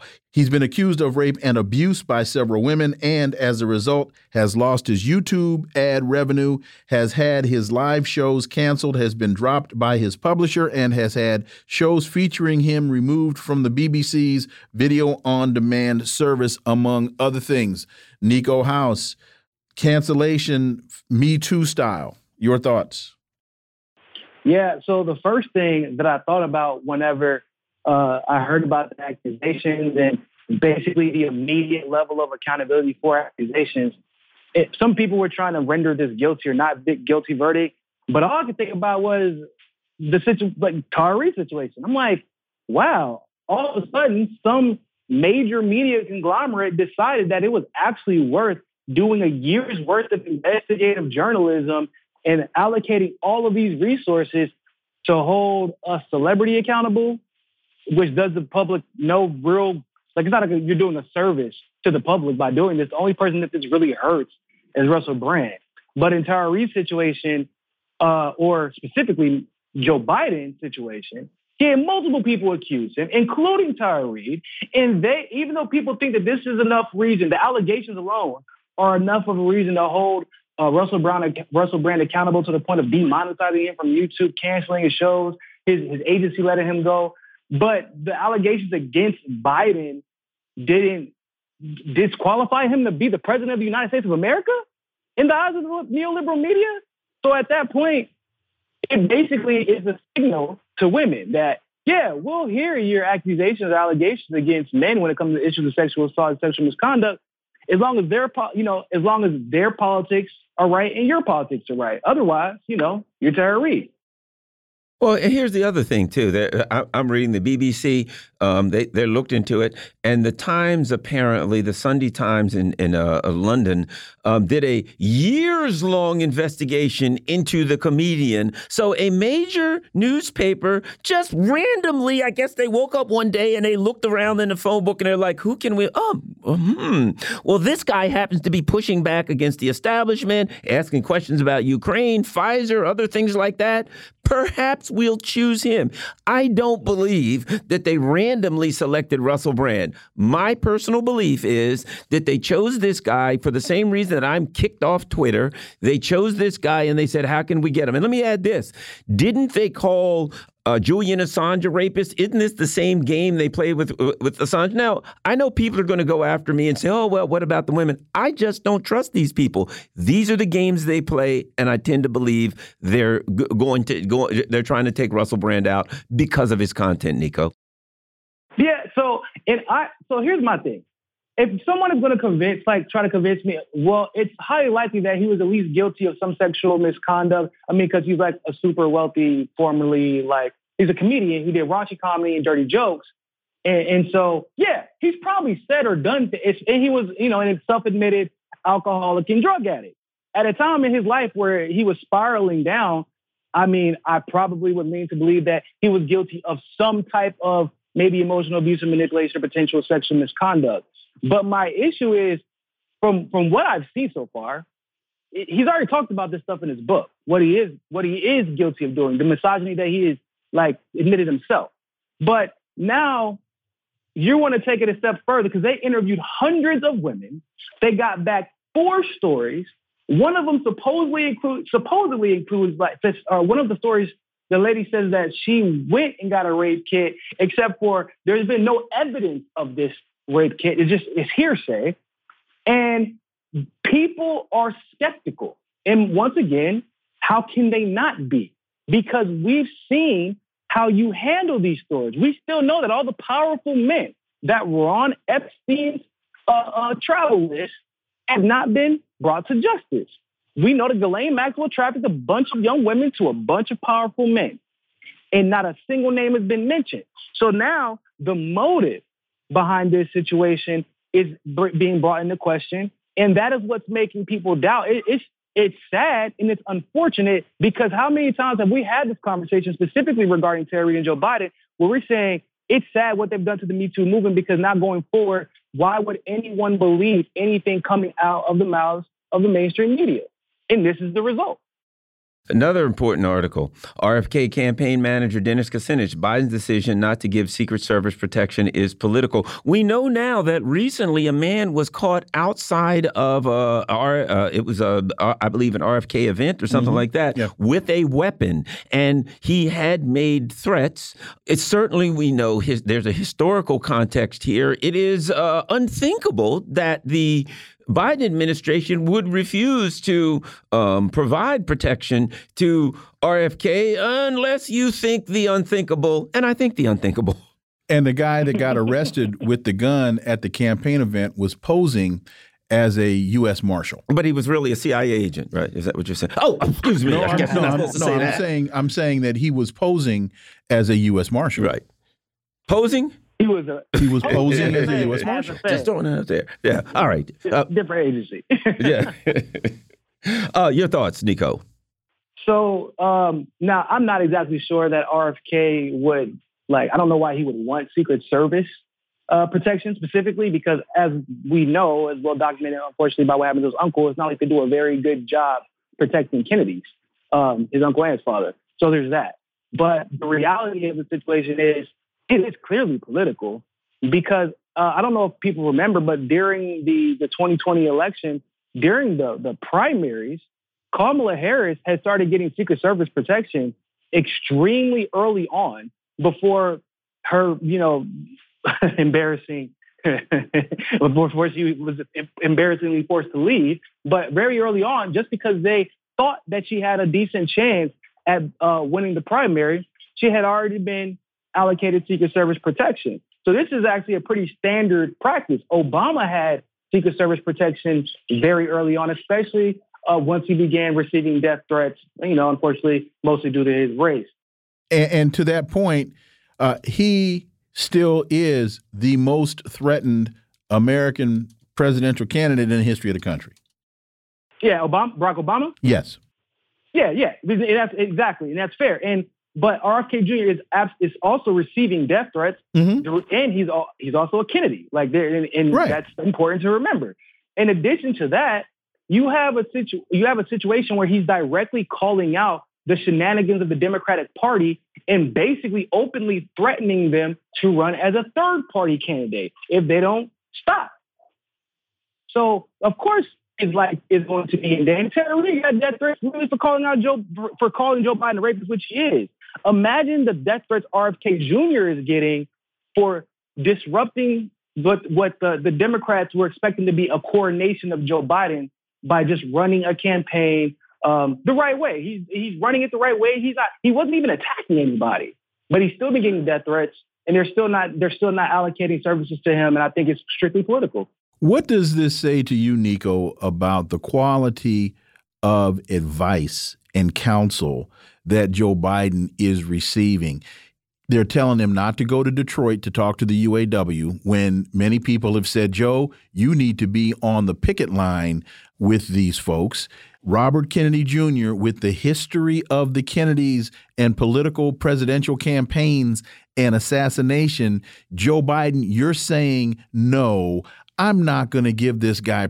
That's just just the optics of it. Nico is felony stupid. Your thoughts? Especially considering, once again, uh, Joe Biden had an opportunity to release the rest of the JFK files, chose not to. Uh, that's another data point. Thank you. Specifically, after RFK was very clear, yeah, the CIA killed my uncle and my father. I have, you know, zero qualms with that idea. Like, it's, I accept that. It's well known well substantiated. And uh, Joe Biden, in response, decides I'm, he's not going to release the files. And then, like you said, then he's saying we're not going to give him Secret Service. What it my, my question to Joe Biden and his staff would be, why not give him Secret Service? Yeah. I'll put it like this: Rich. Oh, excuse me, I got a frog in my throat. Exactly. um, they're expecting to trip out of a plane and it crashes. That's basically what they're like. That's that is it's, it's a real fear. And I think that it shouldn't be downplayed or underestimated. And we don't have to downplay or underestimate it because we know what the government has been willing to do to Kennedys who challenge the orthodoxy. One more data point to your your tongue in cheek question about the the guy that was parading as a secret as a um, U.S. Marshal. It was it was Kennedy's private security team mm -hmm. that got the guy. It wasn't it wasn't state police. It what? No, Robert Kennedy has a private security detail. They're the ones that stopped that stopped this guy. And, and, and you know, to to what you said earlier, he may be safer with the private security detail than Secret Service. That's, uh, you know, I'm just saying they could accidentally slip and one of their guns could go off 50 or 60 times and, and, and you know, they could accidentally do the dirty deed themselves. Last story Elon Musk's Neuralink to launch trial to plug first ever implant into human brain. You know, we are truly crazy conspiracy theorists because people like us like have been saying for a while, you know, they kind of want to put an implant in your brain. Oh my God, you got a tinfoil hat. There's our tinfoil hat story, Nico. Well, I do. I do have a tinfoil hat. exactly. It's a Gucci tinfoil hat. You're going to need one to block that implant that they're going to put in your brain. it's a very, it's a very nice tinfoil hat. I want mine to be copper because you know I wouldn't want it all the salt water in near where I live. I wouldn't want it to rust out. Uh, Nico, if I'm not mistaken, this particular brain chip can communicate with technology from your brain, but there's the other side of that coin, which is the technology can also communicate with the chip in your brain. Like that, I feel like that part should be emphasized because effectively, Elon Musk, who is known to contract uh, basically with with with the Pentagon and all of his like with uh, uh, Tesla, excuse me, SpaceX, technically belongs to Google. You have to buy like Google stocks to buy space to buy SpaceX stocks. And, and SpaceX has become basically a weapon system. We know that uh, um, Starlink. Um, Starlink. There you go. Thank you, Starlink. Well, I'm I'm reading I'm reading your mind through the chip in my brain. Exactly. Yeah, right. Exactly. It was supposed, you know, he said we're going to provide free internet to so many people with bad infrastructure. Oh, and also we're going to co- coordinate military strikes too because the Pentagon said so. So with this, with Neuralink, yeah, they say, oh yeah, you're going to be able to, you know, pay for food with your palm, and you're going to be, yeah, except for the part where literally, if you act up, the government can just press a button and paralyze you. Why? Because this is this always happens to the technology. This always happens with technologies from Elon Musk. We find out he he he he passes it off as some good to humanity, like some good service to humanity, and then we find out that the government can control it with the push of a button. It was the same with the Tesla. So really quickly, we got we got 20 seconds. This development of Neuralink and artificial intelligence. Those two things oh, running in parallel, that's a bad deal for the world. Nico House, as always, thank you so much for your time. Hopefully, it won't be so long before we get you back. Look forward to having you back. Same thing, guys. All right, I got to go shut off my Neuralink thing in my head. Uh, folks, you're listening to the Critical Hour on Radio Sputnik. I'm Wilmer Leon. I'm joined here by my co host, Garland Nixon. There's more on the other side. Stay tuned.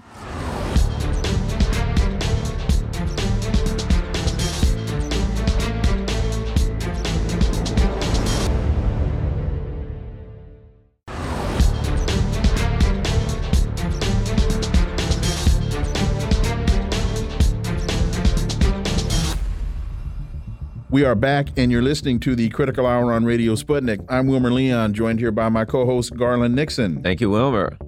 The Libertarian Institute reports Biden demands UN send troops to Haiti to restore order. Addressing the UN yesterday, Biden called on the UN Security Council to authorize sending a military force to Haiti to restore order. The White House has wanted the UN to take action in the Caribbean nation for a year, but has struggled to find a country willing to lead the UN mission into Haiti. For insight into this, let's turn to our next guest. He's a professor of Latin American Studies at the City University of New York. He's an author and activist, Professor Danny Shaw. As always, Danny, welcome back. Good afternoon, Wilmer and Garland. Thanks for the invite. So, speaking at the General Assembly, Biden called on the Security Council to pass a resolution allowing Kenya to send troops to Haiti. Quote, on Haiti, the Caribbean communities facilitated a dialogue among Haitian society. I thank President Ruto of Kenya. I thank him for his willingness to serve as a lead nation of a UN backed security support mission. I call on the Security Council to authorize this mission now. The people of Haiti cannot wait much longer. Professor Shaw, this, while it's reported by People's Dispatch that a Kenyan assessment mission recently went to Haiti to examine the possibility of deploying a thousand strong multinational police force purportedly to improve security and stem gang violence. Haitians People's Movement and rights organizations rejected and condemned the proposal, saying it will escalate the issues it seeks to solve. This sounds like Biden is tone deaf. Professor Danny Shaw imperialism is indeed uh, tone deaf. They're going to stop at nothing to carry out their fourth invasion and occupation of Haiti in the past uh, century. Those most responsible for the disease continue to insist that they have the cure. The U.S. knows they can't get away with leading the invasion, so they're trying to weaponize Kenya. They had tried to use the Bahamas. They had tried to use Jamaica. Uh, they're really desperate, regardless of who they send. to use uh, Mao Zedong's old uh, dictum, these will be fish out of water. What do the Kenyans know about Port-au-Prince? What do the Kenyans know about Tout Corridor Cité Soleil, all of the different slums, shanty towns, ghettos, the different warring paramilitary gang uh, uh, factions?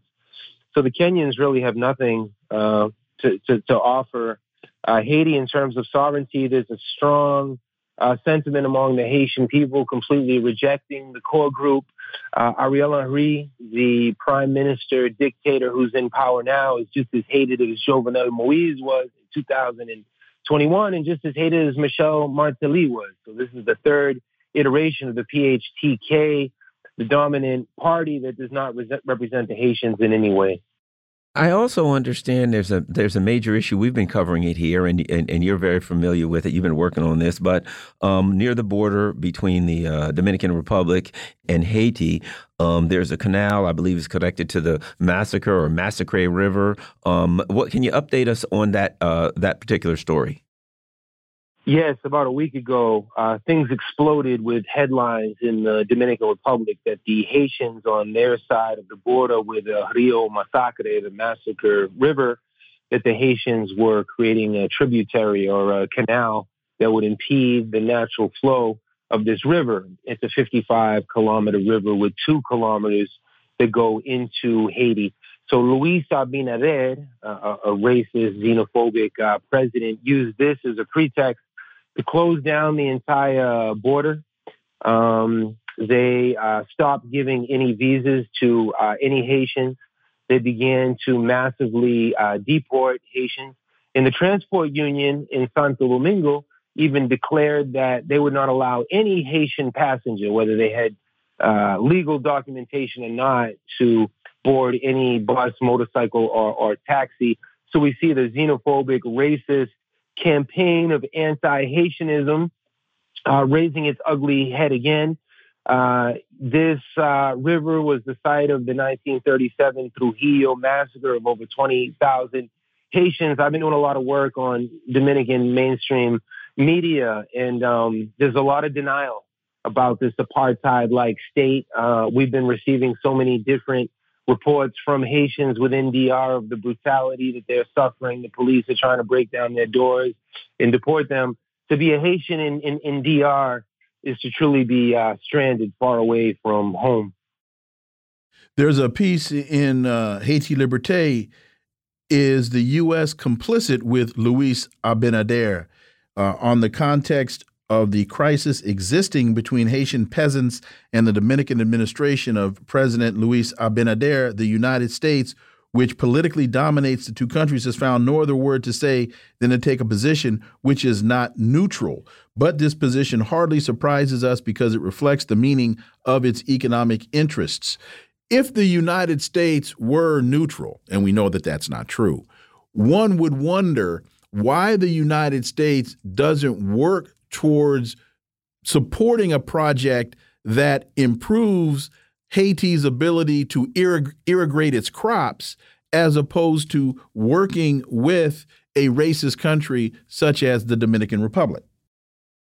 Yeah, the headlines in, in, in DR, I described them. Uh, across the border in Haiti, this is a national mobilization. This is a rallying cry this has become like the unifying factor across Haiti and across the diaspora with uh, musical artists and politicians. And there's even rumors that gang leaders are going to stop all of the looting, raping, and burning in Port au Prince because they now support this canal, which is hours and hours and hours to the north of uh, Port au Prince on the border in Ouanaminthe.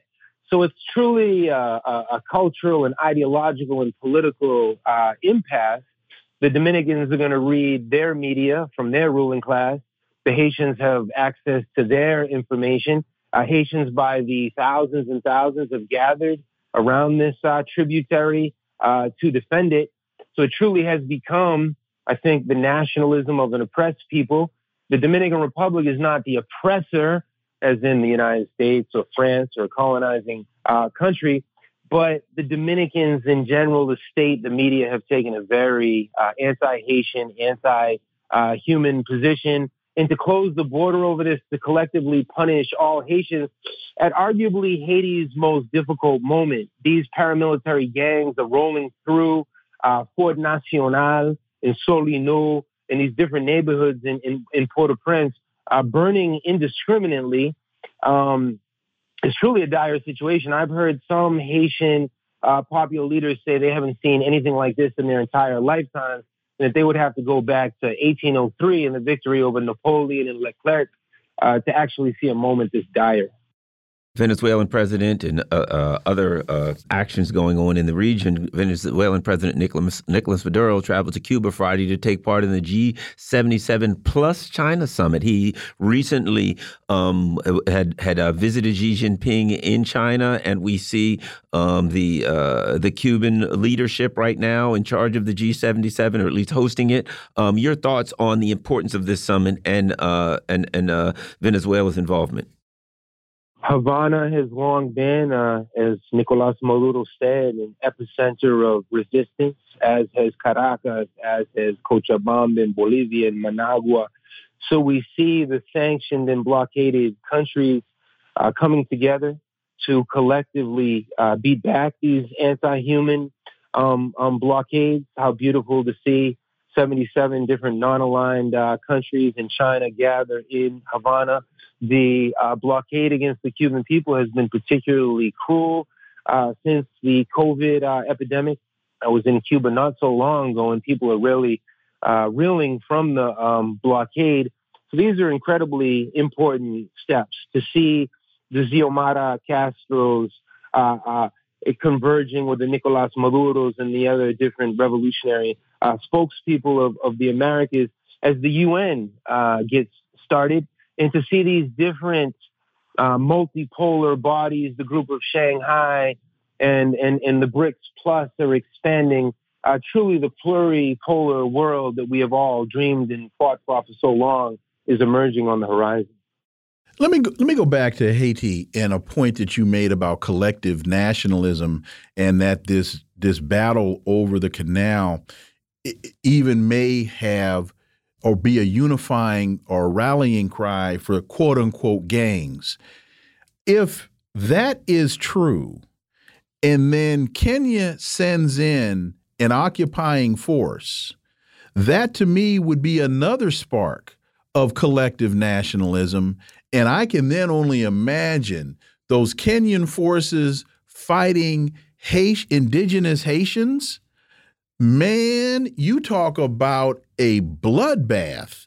Uh, I think they'd run them Kenyans out of there uh, uh, quicker than quicker than quick. Not only would they run them out of there, it would be brutal. I'm talking about angry folks with machetes hacking folks to pieces. That that's what I see. Danny Shaw. The Brazilians uh, infamously uh, carried out the MINUSTAH uh, occupation of Haiti from 2004 to 2017. I was there during that occupation. Uh, not one Brazilian troop had any clue about the land that they had invaded. Uh, they couldn't even say what the language is. Uh, the Creole was the language of the people. They kept trying to insist that the people's language was French. So these occupation forces, you know, this is white supremacy and blackface. Uh, this is truly disgraceful what can Kenyans ever understand about Haiti and vice versa? If Haitians were to invade Nairobi and the most oppressed communities of Nairobi, it would be a similar response. So it is a slap in the face of uh, such a dignified, sovereign people. What I always hear in Haiti over and over, they always say, uh, Grand Moon Tetli, we have our own adult mind. Do not infantilize us. And similar to the chant in, in the slogan Black Lives Matter. In 2023, African Americans have to insist that Black Lives Matter. In 2023, the Haitians have to remind us that they're adults. In fact, uh, the most adults of adults, because they were the ones who single-handedly, on their own, most isolated and blockaded in 1804, were able to overthrow all of the usurpers and all of the slave traffickers, not just the French Empire. Well, you know, and uh, you know, the irony here is that as the the U.S. empire and the French and the Ca Canadians try to uh, take Haiti again, try to invade and continue with their occupation of Haiti, West Africa is pushing back. West Africa is waking, waking up. Recently, uh, Burkina Faso, Mali, Niger said, we'll come together as a military alliance and we will fight for our freedom. So, you know, it's, it's, it's, it's interesting that they come over here, but they're actually losing Africa. Your thoughts on that, Danny?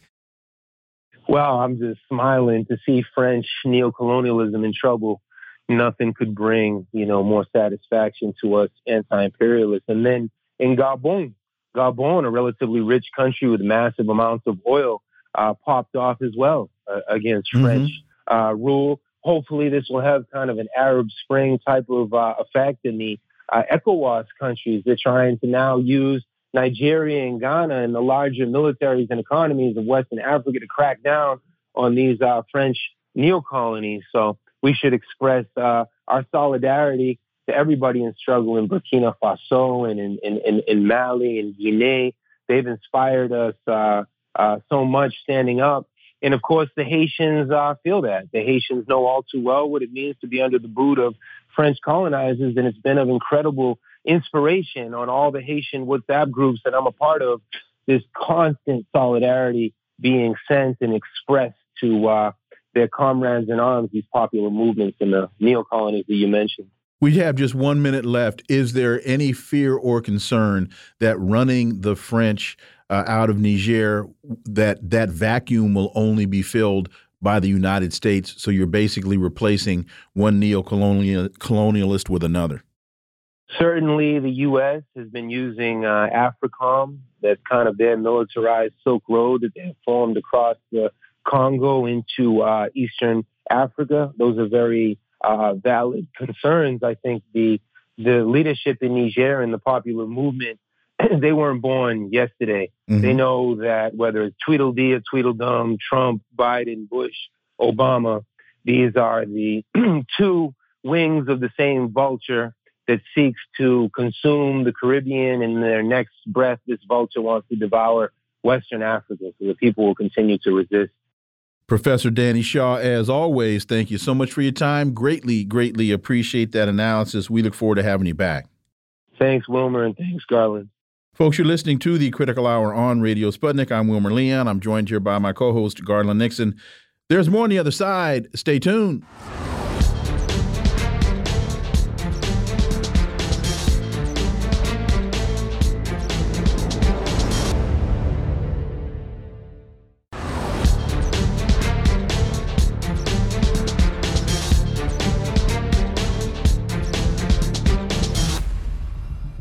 We are back, and you're listening to the Critical Hour on Radio Sputnik. I'm Wilmer Leon, joined here by my co host, Garland Nixon. Thank you, Wilmer. People's Dispatch has a piece A new and more just global contract is imperative, says Cuba's Miguel Diaz Canel at the UN General Assembly.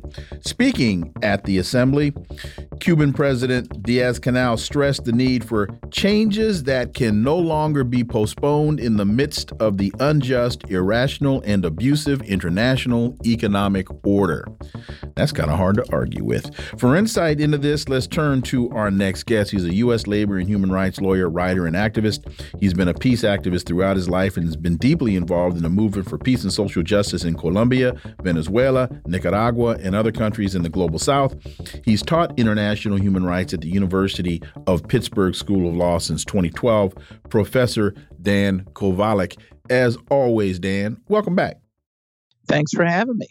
So here are Diaz Canel's opening two paragraphs. It's a slightly long read, but I think it sets the tone for the conversation.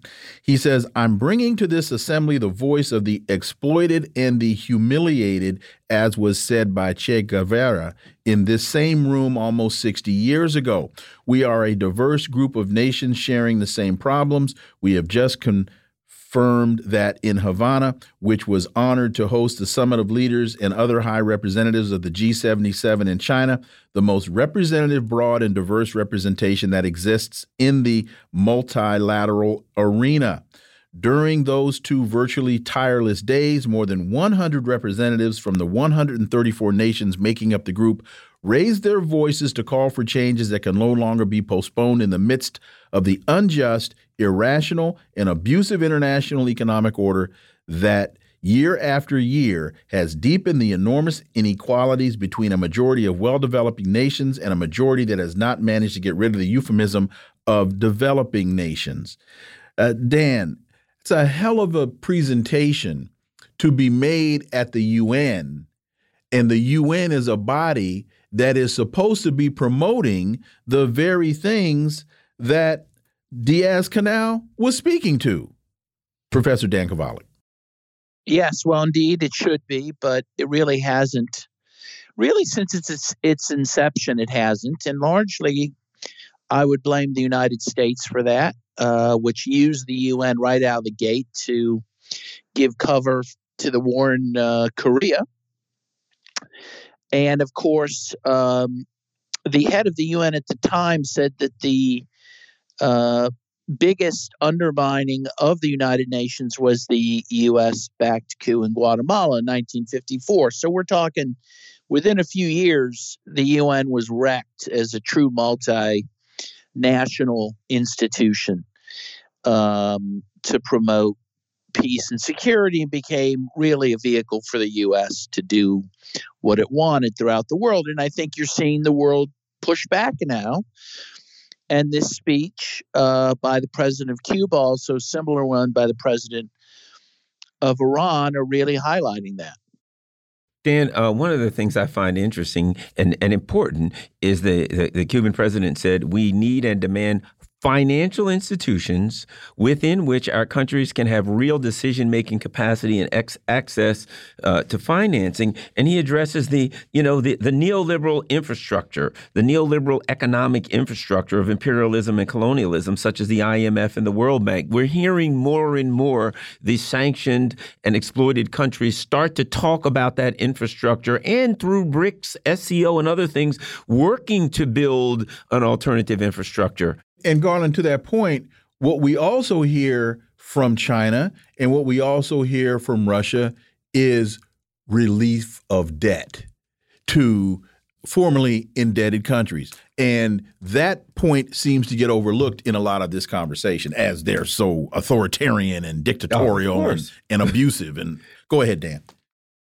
Yeah, well, absolutely. And again, like the United Nations, which really has never fulfilled its mandate. Neither of the World Bank and IMF. The World Bank, I think, with is within you know a few doors down. In fact, from the White House, it, it's not the World Bank; it's the U.S. Bank, and the U.S. controls it as it controls the IMF.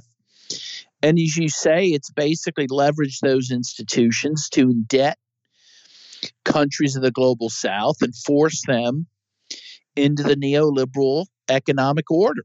I mean that that's what those institutions have done. And now, as you say, countries are looking to build new institutions that are going to work in the way theoretically that the IMF and World Bank were supposed to. Greanville Post has a piece Wealthy Capitalist Accidentally Makes Great Argument for Revolution. The capitalists as a class are unreformable and beyond repentance. And they're talking about remarks by an Australian property developer named Tim Gurner, who was unusually frank when he discussed the inherent conflicts of interest between the working class and employers, saying workers who've grown lazy and arrogant during COVID need to experience economic pain in the form of unemployment to rein them in and put them in their place. And you have that type of sentiment being expressed. And I'll just throw in a, another, I think, relevant example the UAW strike that's going on right now and how the millionaire CEOs they're making 25 26 27 million dollars a year saying we can't afford to pay the workers any more money after they sent 60 billion dollars to their shareholders.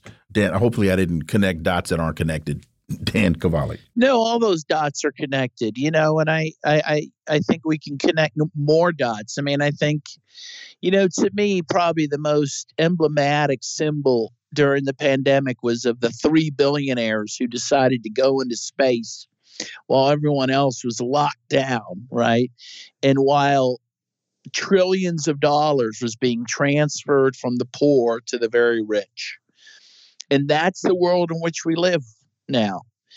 Um, and again, it's a world which people are pushing back against. You're seeing this in the strike wave throughout the United States, particularly by the UAW strike, which is being led by a very militant union leader at the UAW, the first real militant leader they've ever had. Um, so it's quite exciting. But yeah, I think this Australian tycoon was being uh, candid about how the ruling class sees, um, you know, its war against the working class, and it is a war. As some, some have said, it's been a hot war for some time, but a very one-sided one. You know, by by the rich against the working class, and now the working class is fighting back.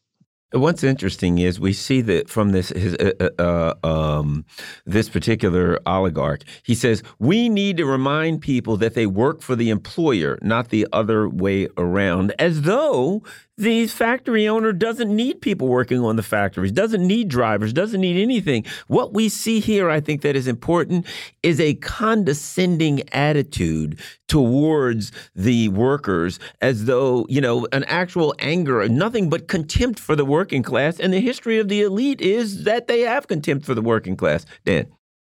Yeah, well, it's absolutely true. And as, as you say, that's always been true though the rate of exploita- exploitation has never been what it is now. You know, the gap between the super rich and the poor has never been this huge. The amount of surplus value that the ruling class is able to wring out of the working class is at levels never seen in history. The pharaohs would blush at this state of affairs, right? Uh, and, and though it, you see the attitude of the ruling classes. They still want more. It's still not enough for them. He goes on to say, we need to see unemployment rise. Unemployment has to jump to 40 to 50%. In my view, we need to see pain in the economy. I mean, there's been a systematic change where employees feel the employer is extremely lucky to have them as opposed to the other way around. First of all, 50% unemployment would create such unrest, not only in the United States, but in the world, that these elites would have a serious, serious problem uh, managing the circumstances that they control right now and seem to love so well. And we had KJ Noh on the show earlier today, and he made a point about Huawei saying he said one of the things you have to think about in terms of Huawei is they're an employee owned company and they just sent $75,000 checks to all vested employees in the country in the company based upon the profits that they're making. So the United States is screaming about China and the and the growth of China and the business tactics of China. But China seems to be doing pretty well using a different formula than uh, than what what Mr. Gurner uh, wants to employ. Yeah, well, what the U.S. is screaming about is that that, that China that China is is out competing the U.S. and the U.S. can't do a darn thing about it, right? I mean, uh, the U.S. has decided it can't compete economically with China anymore, so now it's threatening war. That's that's where they think they could maybe win is militarily, but certainly not economically. Uh, by the way, you know when you when we go back to this quote from this this Australian billionaire, uh, it makes me think when he talks about the need for that much unemployment, or that uh, it, it, makes me think that lockdowns are probably uh, around the corner. I hope I don't sound too conspiratorial to say that, but um, you know that may be a way that the ruling class wants to enforce that type of level of unemployment. And I'm sorry, Dan, but but you said he was a billionaire when actually his net worth is nine hundred and twelve million dollars. He's so. a little short. He's a poor man. Yeah, he's just yeah, shy. Yeah. So, well, maybe he'll get a bonus this year that'll push yeah, him over. He's the hundred and fifty fourth richest person in Australia.